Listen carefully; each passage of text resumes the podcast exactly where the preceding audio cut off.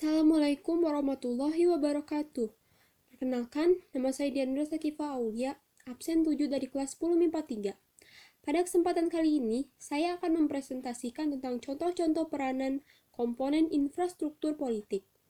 Pertama-tama, saya akan menjelaskan tentang pengertian infrastruktur politik.